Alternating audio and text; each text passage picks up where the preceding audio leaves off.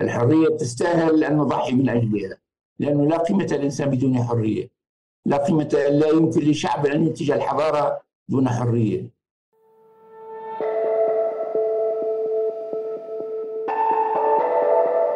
كما بدأ الربيع العربي في تونس يراد له أن يدفن في تونس. المشهد التونسي يعج بالتطورات وبشكل متسارع. نحاول في هذه الحلقة أن نستمزج تفاصيله ونستشرف القادم من التطورات في هذا الحوار مع الشيخ رشد الغنوشي رئيس حركة النهضة والرئيس السابق لمجلس النواب المعلق. أنا خديجة بن جنة وهذه حلقة جديدة من بودكاست الجزيرة بعد أمس. أرحب فيها بالأستاذ راشد. أهلا وسهلا بك أستاذ راشد الغنوشي. لا تحياتي للسيدة خديجة لمستمع الجزيرة. شيخ راشد الغنوشي تونس ليست بخير. المرض ينخر آه، جسد آه، تونس والأزمات تتوالى أزمة بعد أخرى. أنت كيف تشخص هذا المرض؟ أين موطن الداء في هذا الجسد المريض؟ وشكرا للفرصة وتبليغ ما يجري في البلاد. مصر تعيش أزمة مركبة يعني أزمة مستفحلة مركبة مركزها الأساسي هو السياسة. وتمثل مركز هذا هذه السياسة الانغلاق وانطلاقا من 25 يوليو 25 يوليو 2021 حيث قام الرئيس سعيد بانقلاب على الدستور وانقلاب على الثورة وانقلاب على آه، كل ما أنجزت الثورة. تحل مؤسسات كالبرلمان والحكومة وكل الهيئات الرقابية يعني التعديلية وانطلقت الأزمة يعني لتتحول إلى أزمة اقتصادية يعني مستفحلة توشك أن تضع البلاد على حافة الإفلاس لم لم يكن هي في حالة إفلاس الآن. وأيضا آه، إرادة فرض تصور للدولة تصور جماهيري يمكن قاعدي حيث تتمركز السلطات كلها في يد الرئيس. وما تبقى فمجرد آه، ديكور يعني ليس يعني قيس سعيد وحده يتحمل مسؤولية؟ بطبيعة الحال. كيف؟ الذي قال هناك أوضاع قادت إلى 25 يوليو 20 أوضاع صحيحة. يعني ما لم تبدأ ب 25 يوليو ولكن 25 يوليو ثمرة لأزمة باختصار نحن بلادنا تعيش تونس تعيش في مرحلة تحول ديمقراطي صعب.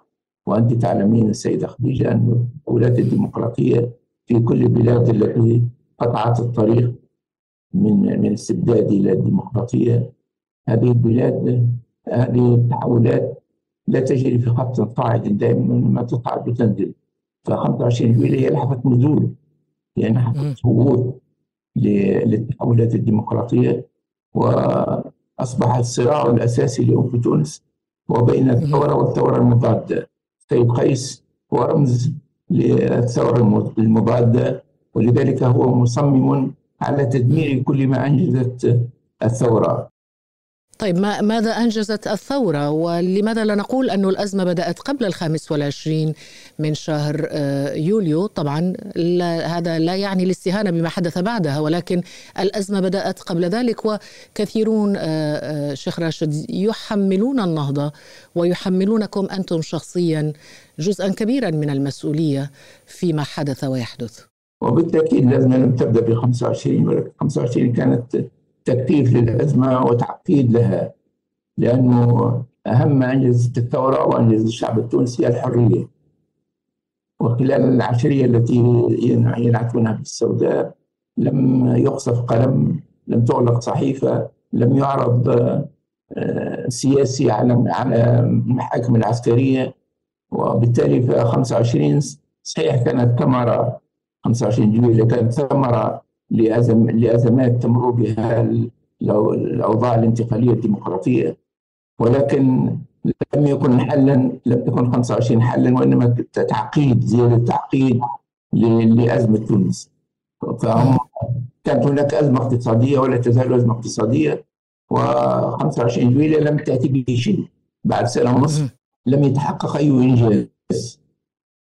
كان نعم.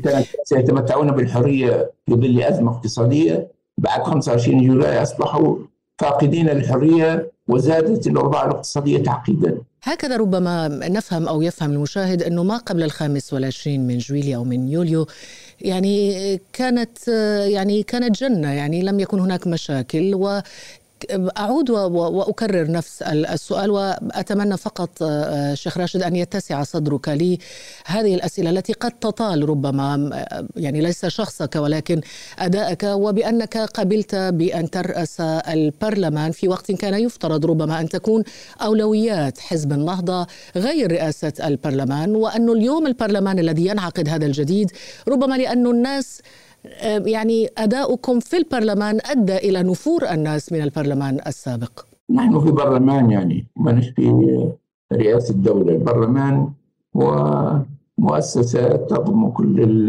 الاتجاهات اتجاهات البلاد وبالتالي هو محل مكان بتاع صراع فكري وسياسي.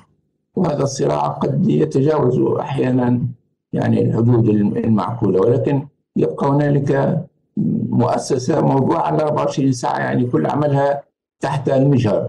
بينما المؤسسات الأخرى مثل مؤسسة الرئاسة ومؤسسة الحكومة ما هيش موضوعة تحت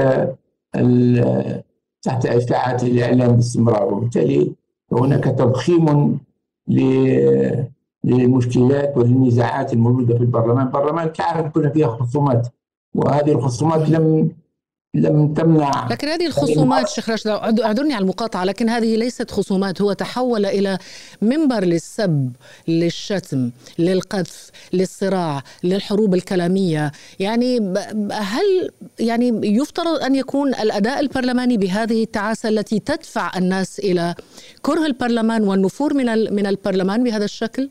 البرلمان لا يخلو من الأخطاء بشكل ولكن هذه الأخطاء لم تمنعه من أن يواصل عمله وأن وأن يقوم بدور الرقابة وأن يقوم بدور التشريع. حيث لم يتخلف عن عمله.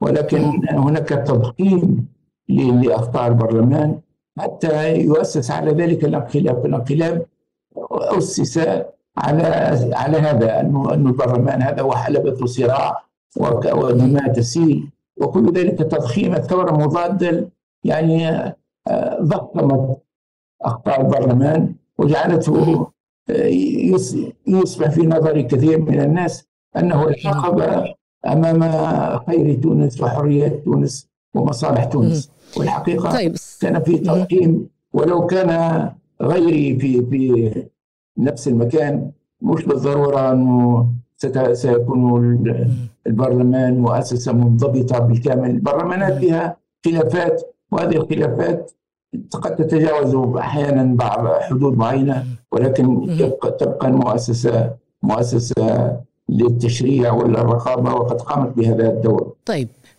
قامت بهذا الدور ولكن اليوم الوضع تغير. هناك أزمة شرعية هناك برلمان اليوم هناك برلمان سابق وبرلمان حالي. سنتحدث عن ذلك لكن أريد منك جوابا شيخ راشد الغنوشي عن موضوع رئاسة البرلمان. وهناك من يرى أنه قبولك بتولي رئاسة البرلمان كان قرارا خاطئا. تعتقد ذلك أنت لا. اليوم بعد كل هذه الفترة؟ أعتقد هذا لأنه البرلمان هو مؤسسة تسير سيروا بمنطق جماعي وليس بمنطق فردي إلا إذا قلنا بأن النهضويين أو الإسلاميين ليس عندهم حق ليس من حقهم أن ينافسوا في المجال السياسي ليس من حقهم نعم ولكن ولكن النهضويين أن يتراسوا نعم. مؤسسة سيادية معلش في هذه النقطة حتى النهضويين لو كان وكان نور نعم. البحيري ما كانش النتيجة تختلف هناك أناس إقصائيون يرون أن المكان الطبيعي للإسلاميين هو السجن أو تحت تحت الأرض أو خارج البلاد. وبالتالي فالموضوع هو موضوع عقلية إقصائية تريد أن تحتكر السلطة عند مجموعة من الناس وليس عند عامة الناس.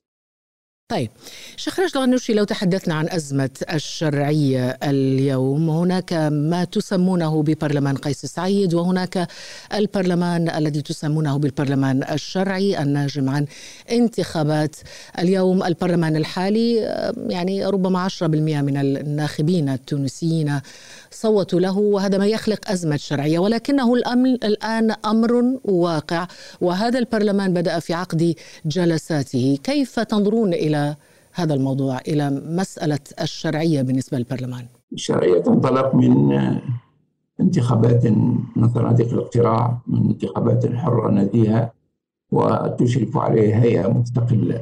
هذه الانتخابات التي جرت على دورتين في المدة المنصرمة لم تكن لم تجري في إطار حر ديمقراطي.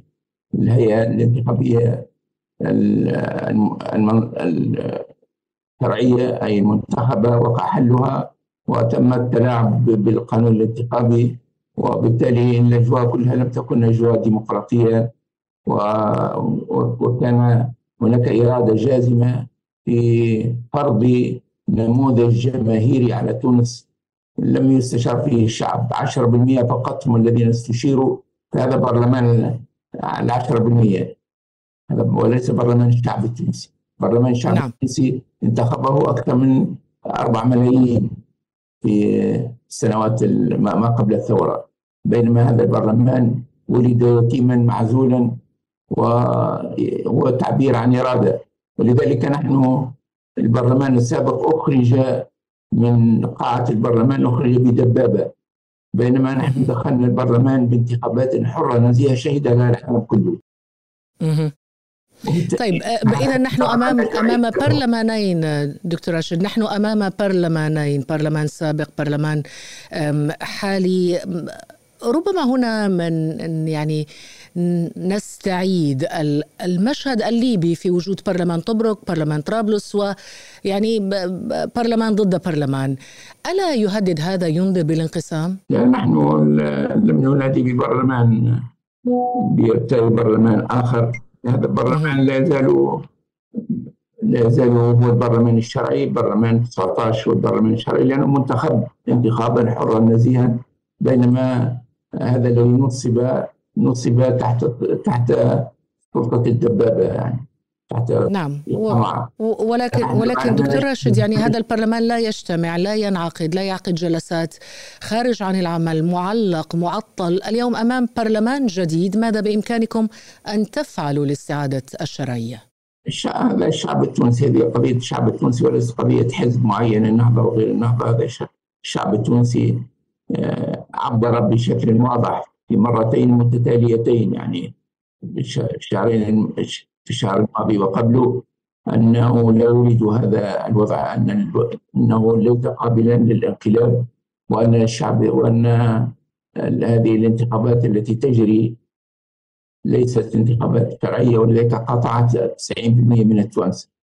هذا من 10% مش قادر يعبر عن إرادة الشعب التونسي. الشعب التونسي عبر عن إرادته بشكل يستحق نعم. كل التقدير من خلال المقاطعة الشاملة لهذه الانتخابات. هذا وضع طيب على باطل وكل ما بني على باطل فهو باطل في النهاية. فهو باطل ولكن الرئيس قيس سعيد يقول لا عودة إلى الوراء ومتمسك بكل قراراته السابقة. هل نعم، برأيك هذه إرادة الرئيس ولكن الشعب التونسي ليست هذه إرادته وعبر عنها الرئيس. قال تعالى انتخب. فالشعب رفض بشكل نعم. لكن يعني هل مطلب العودة إلى الشرعية مطلب واقعي عملي يمكن أن نرى ربما مظاهرات في الشارع التونسي تطالب بعودة الشرعية؟ قامت مظاهرات خلال السنة ونصف من الانقلاب. قامت من 25 مظاهرة مركزية فضلا عن مظاهرات داخل الجهات.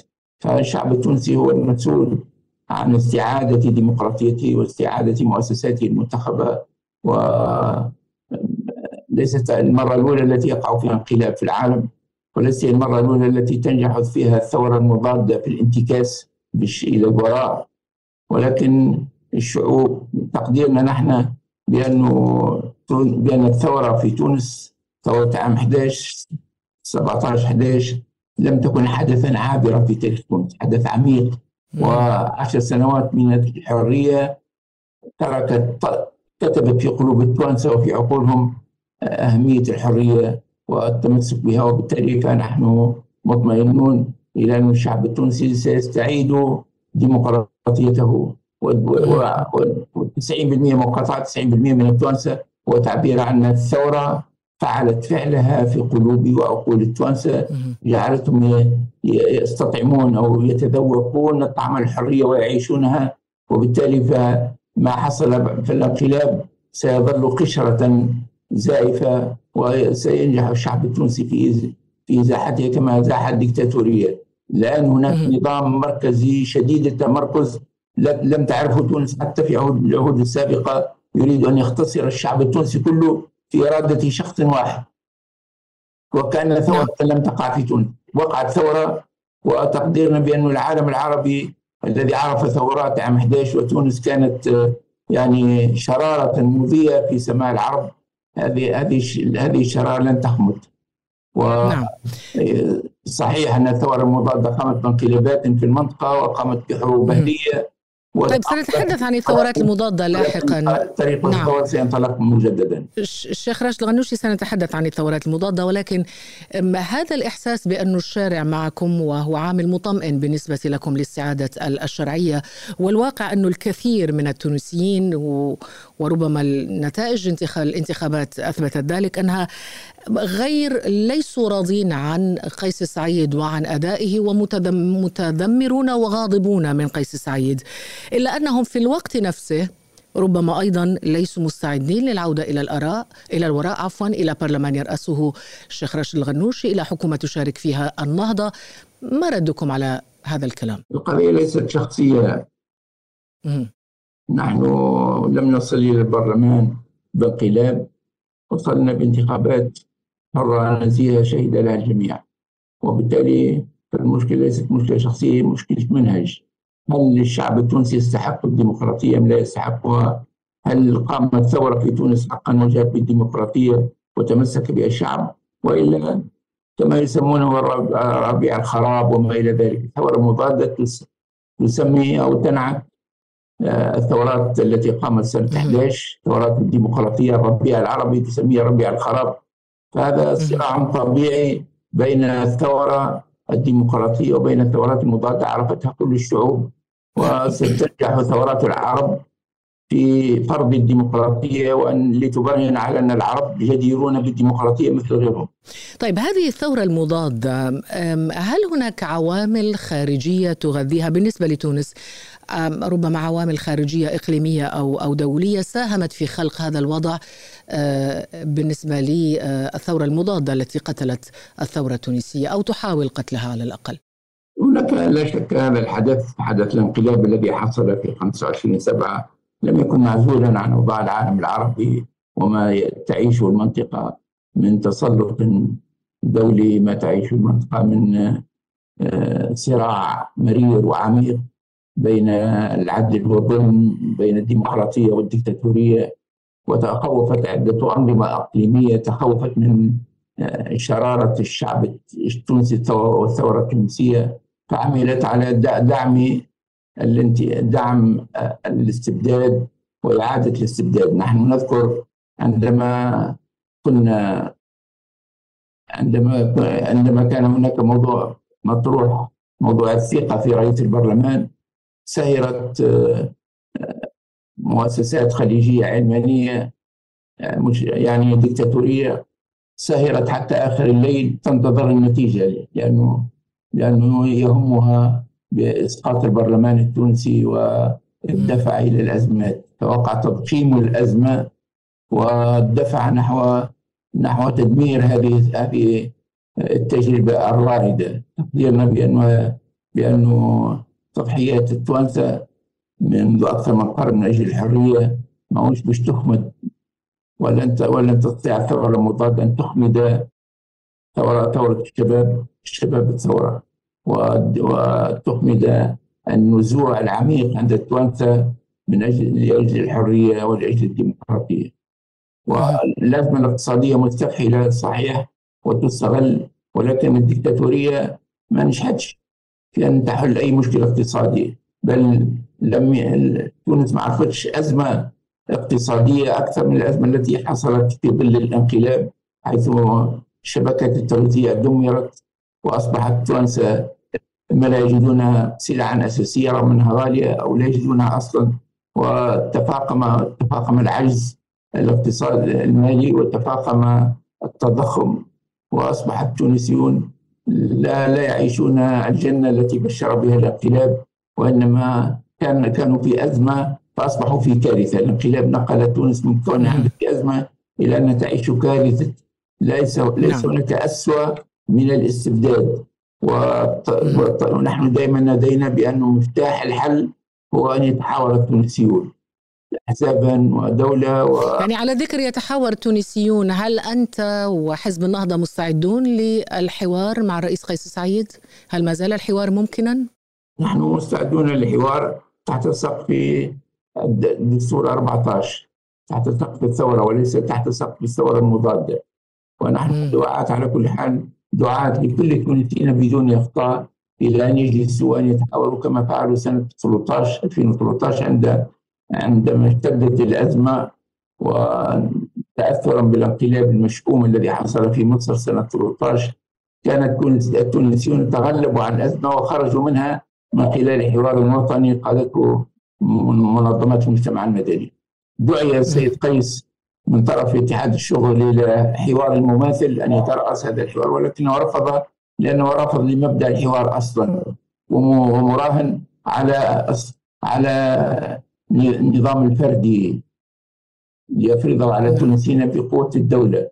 وهذا لا يمكن أن يكون حلا وإنما هذا هو قلب الأزمة، قلب الأزمة هو في السياسة الاقصائيه، في السياسة التي استبدلت النظام نظام الديمقراطية نظام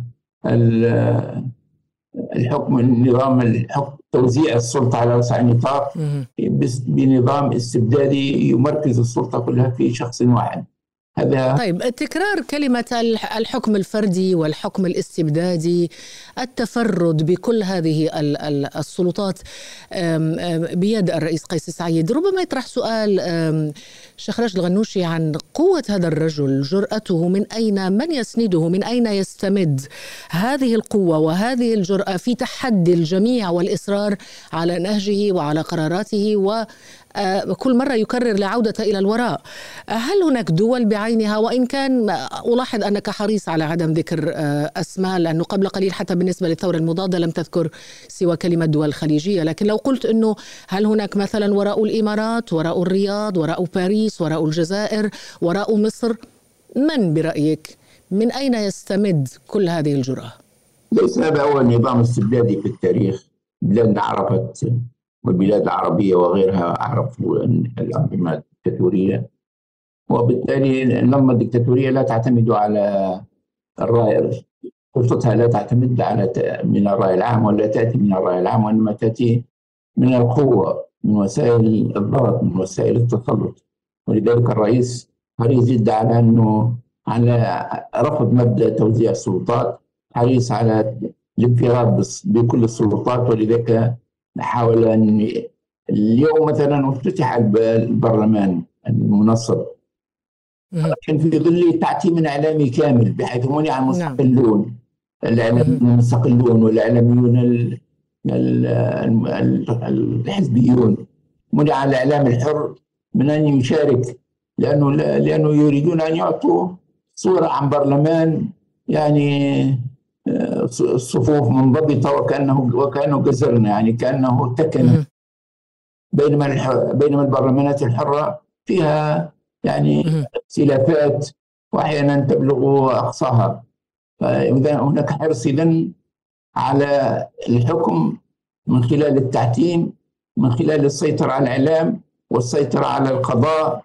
ولذلك هناك مشكلة اليوم في القضاء حقيقي يعني صراع حقيقي بين القضاء المستقل الذي ورثت ورث ورثته المؤسسة القضائية عن العشريه اللي يسموها سوداء. مشكله ولذلك عشرات من القضاة وقع وقع طردهم وآخرون في الطريق معرضون نعم. والقضاء يعيش في أزمة شديدة. فالقاضي معناها مضغوط بين ضميره والقانون من جهة وبين ما يراد ما يراد منه آه، من خضوعه وهكذا في الإعلام وفي القضاء وفي كل المجالات هناك صراع بين آه، نعم. الحكم الفردي المطلق وبين الديمقراطية. طيب هذا هذا معروف صحيح نعم. دكتور راشد الغنوشي بالنسبة للقضاء والإعلام وغير ذلك لكن سؤالي كان عن من يسند الرئيس خارجيا وداخليا؟ الآن خارجيا أنا ذكرت بعض الأسماء أنت لم ترد الإشارة إليها لكن داخليا هل الجيش مثلا هل داخل تونس؟ الجيش معه مثلا؟ نريد أن نفهم. هذه المعادلة الرجل يتخذ كل هذه القرارات بهذه القوة بهذه الجرأة بهذه يعني بين قوسين خلينا نقول الشجاعة لأنه مصر على عدم التراجع عنها. يعني هناك سند يسنده في الداخل والخارج. هل في الداخل معه الجيش؟ هل في الخارج معه دول ما؟ بطبيعة الحال القوى الصلبة هو يعتمد على القوى الصلبة. في في أمام الباب الكبير للبرلمان هناك دبابة انتصبت.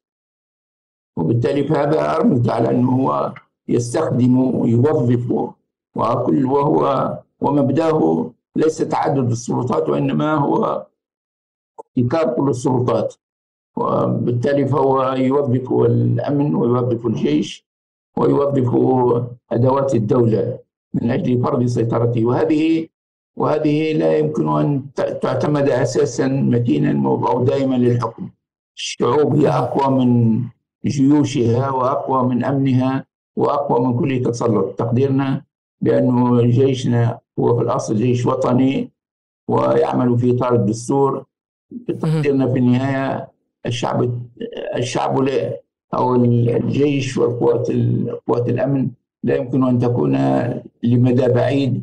أن تكون في مواجهة إرادة الشعب وفي مواجهة القانون ومواجهة الدستور ولذلك نحن مطمئنون إلى أنه يعني نعم. يتحرك الشعب التونسي سيكون تح... سيكون في كله في طريق في طريق الديمقراطية واستعادة الحرية للبلاد نعم. نعم. و... كأني أفهم منك دكتور راشد أنه كأنك تقول أنه الجيش والأمن ك يعني كأنها الصفقة صفقة زي ما يقولوا رابح رابح. أنت ابقى في الكرسي وبالمقابل خلصنا أو ريحنا من الثورة. هناك معادلة من, من هذا النوع هناك معادلة من هذا النوع ولكنها معادلة لا تستقيم ولا ولا تدوم. هؤلاء أبناء الشعب كلهم أبناء الشعب الأمن والجيش وال والقضاء والإعلام هؤلاء كلهم أبناء الشعب ومصلحة نعم. الشعب في النهاية التي ستسود طيب آه، دكتور راشد الغنوشي لو وسعنا النقاش خرجنا شوية من تونس إلى محيط تونس إلى المحيط العربي وفشل الإسلاميين ليس فقط في تونس في المغرب في في مصر وربما في دول آه، عربية أخرى هذا الفشل ما الذي يبرره؟ هل تعتقد أنه تجربة الإسلام السياسي عربيا انتهت تماما بالفشل؟ قتلت؟ ماتت ودفنت؟ لا لا. تعدديه قائمة في العالم العربي والناس بطبيعتهم مختلفون. أسبابهم كثيرة وإيديولوجياتهم كثيرة. ولكن العالم العربي كله في تقديري يمر بمرحلة انتقال ديمقراطية ومرحلة تشوه في النضال من أجل إرساء الديمقراطية ولذلك الشرارة التي انطلقت من تونس سنة 11 وجدت من يستقبلها. وأن يصنع منها ثورة من ليبيا إلى إلى سوريا. الآن هذه هذه المنطقة تمر بمرحلة انتقال ديمقراطي صعب. صعب. وكذا وكذا كانت كل الانتقالات الديمقراطية في العالم. الثورات معروفة في العالم تبقى يعني ممكن تقع فيها انتكاسات يمكن العودة إلى الماضي يمكن للثوار أن يقطع أن تقطع رؤوسهم بعد أن تقطع رؤوس الملوك. ولكن في النهاية الثورة تنتصر كل الثورات تنتصر في النهاية. وبالتالي في العالم العربي ما هوش مكتوب عليه أنه أن يحرق يعني ما مصدر تفاؤلك شيخ راشد الغنوشي ما مصدر التفاؤل هذا ال... الذي تعبر عنه بأنه الإسلاميون ما زالوا قادرين على العودة إلى الحياة من جديد؟ هل قاموا بمراجعات؟ ما هل قاموا بتصحيح الأخطاء؟ هل تصالحوا مع أنفسهم؟ هل صارحوا شعوبهم؟ متى نحكم على الحركة الإسلامية بأنها فشلت؟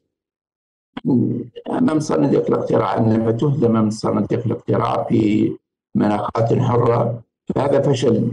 ولكن الديمقراطية نفسها لا تعطي سكة على بياض لطرف حيث لا لا تقصي طرفا إلى الأبد ولا أيضا تزكي طرفا إلى الأبد وإنما هو التداول. هو التداول على السلطة. ما دام إذا ما تمش انتخابات حرة لا نستطيع أن نحكم بأن تيارا محددا إسلاميا أو غير إسلامي أنه فشل مثلا بالعالم العربي ما فيش حريات. ولذلك نحن أخرجنا من دخلنا بإرادة الشعب وخرجنا بإرادة دبابة بإرادة دكتاتور فكيف نحكم التيار الإسلامي لأنه التيار الأول في العالم العربي. في كل انتخابات حرة أمس فقط وقع انتخاب هنا في الجامعة. تزاحم حول مجالس الأقسام من يمثلها من الطلبة فكان هناك تزاحم بين ثلاث تيارات. التيار الإسلامي كان هو التيار الأول. نستطيع أن نقول نحط نحط كل قيادات النهضة نحطها في السجن ولكن هؤلاء الشباب أكثر من أربعين ألف صوتوا لصالح لصالح هذا التيار الإسلامي. من يستطيع أن يقسيهم هؤلاء؟ وهكذا لو ذهبنا إلى الجامعات العربية والجامعات الإسلامية لوجدنا التيار هو التيار الأول. وعلى فرض حتى التيار الثاني مش مشكل اللي يكون ثاني غدوة يولي الأول.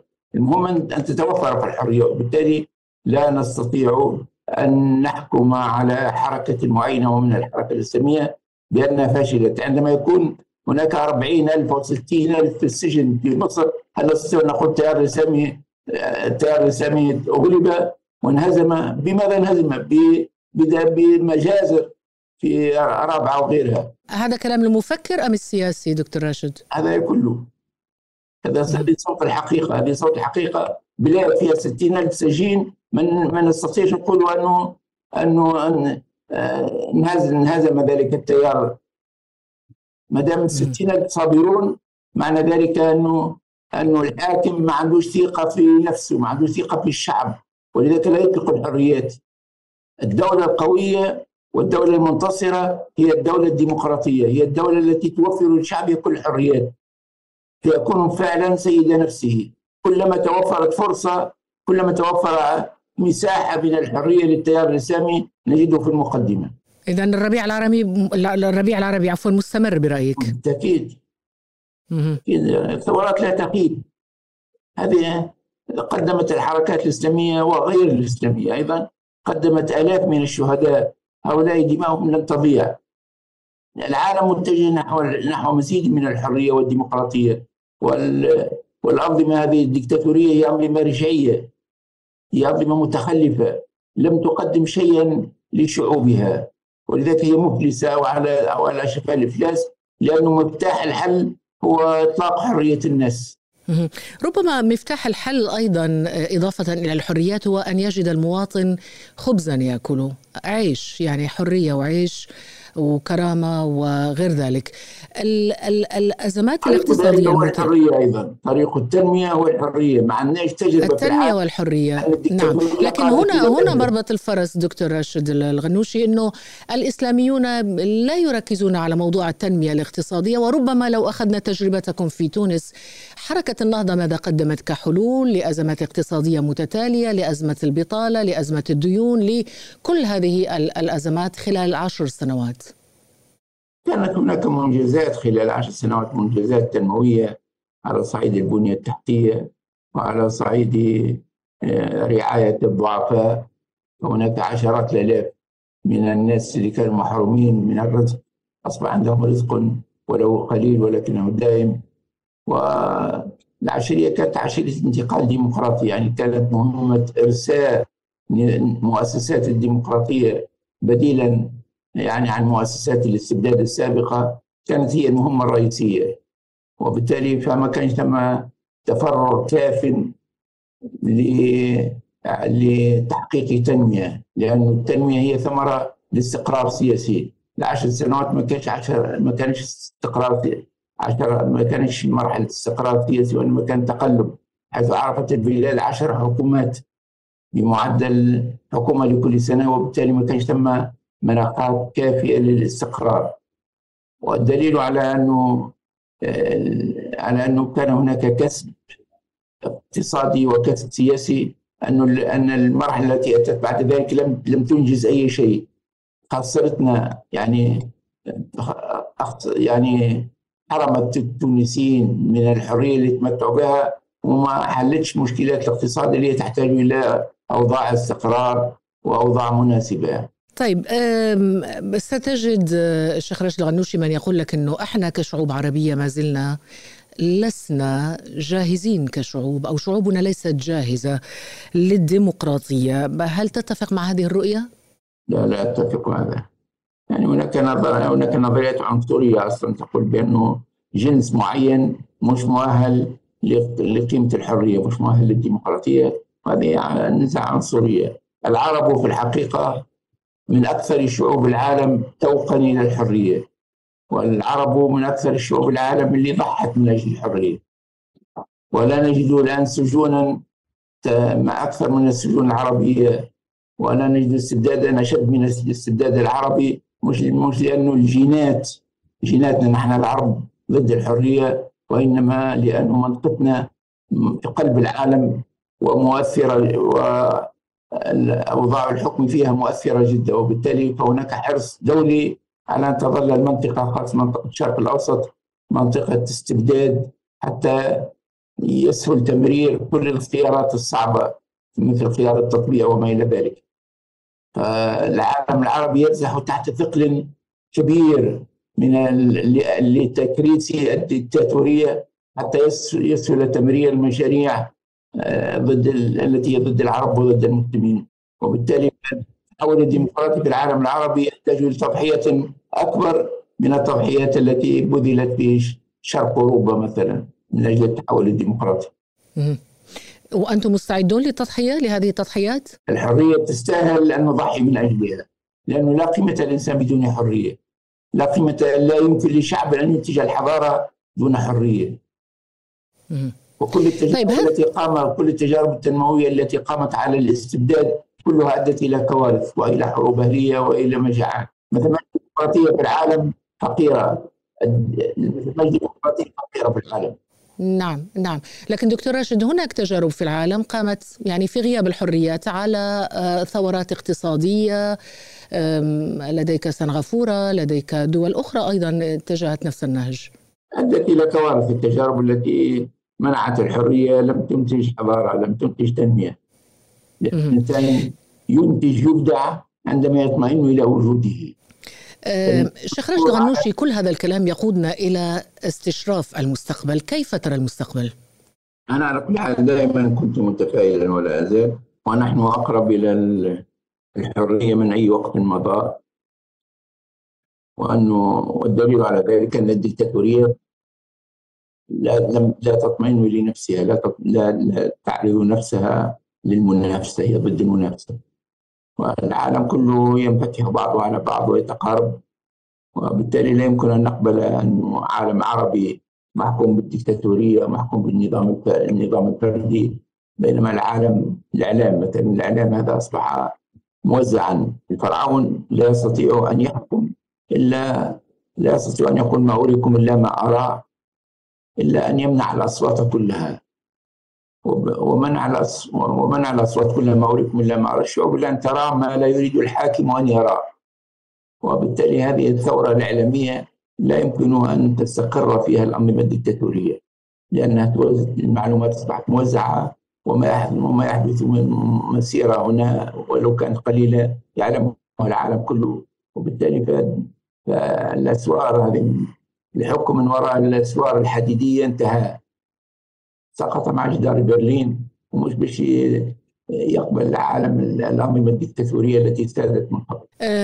كي نختم باقتراحك للحلول أو الحلول كما تراها أنت أه، شيخ راشد الغنوشي هل ترى أنه هناك حل ربما قد يكون مبني على وساطات دولة ما قد تلعب وساطة ما أو أي حل آخر كما تراه لا ما أعلم يعني هناك وساطات بالمعنى الدقيق وإنما هنالك نصائح تصور شركاء تونس نصحوا نصحوا بضرورة الاستقرار وأن هذا الاستقرار ما يتحقق إلا عبر نوع شيء من الديمقراطية. هناك الاتحاد الأوروبي قام بجهود في تونس بالاتصال بكل الأطراف بالحكومة بالرئيس بالمعارضة. وهناك أيضا تقدير ان الجزائر. من مصلحتها استقرار تونس هذه مصلحه أساسية استراتيجية أساسية وأنها نصحت وسرا وعلانيا يعني بضرورة وحدة الصف ووحدة الكلمة وعدم الذهاب إلى الصراع المفتوح ولكن تبقى الديمقراطية يصنعها ابناء البلاد يعني. إذا كان التوانسه ما ما ما ادركوش بأن الديكتاتورية لا تأتي بخير وأن الحكم حكم الاستبداد لا يأتي بخير. التوانسة أنفسهم إذا كان ما تخلوش أو بعضهم على الأقل تخلى عن نزعة الإقطاع لغيره. وتصور تونس بدون هذا الطرف تونس بدون نهضة تونس بدون إسلام سياسي تونس بدون نقابة تونس بدون يسار بدون الليبراليين إلى آخره. هذا التصور الإقصائي هو هو الداء الأساسي نعم لكن لكن قبل قليل قلت إنه ليس من مصلحة الجزائر أن يستمر هذا الوضع، هناك وساطة جزائرية الآن أم لا؟ من مصلحة الجزائر قلت آه، عبرت عنها مرات هو استقرار تونس. ولكن هذا يتحقق بيد التوانسة. إذا التوانسة ما ما دركوش بأنه ما ثماش طرف واحد عنده الحل لا الحكومة ولا قيس ولا النهضة ولا غيره وإنما الحل هو هو حل جماعي هو حل يقوم على أساس تونس لكل التونسيين مثل مشي اقتصاد فكل حلول أخرى هي مزيد من الاهتراء ومزيد من تضييع الوقت ومن التحارب.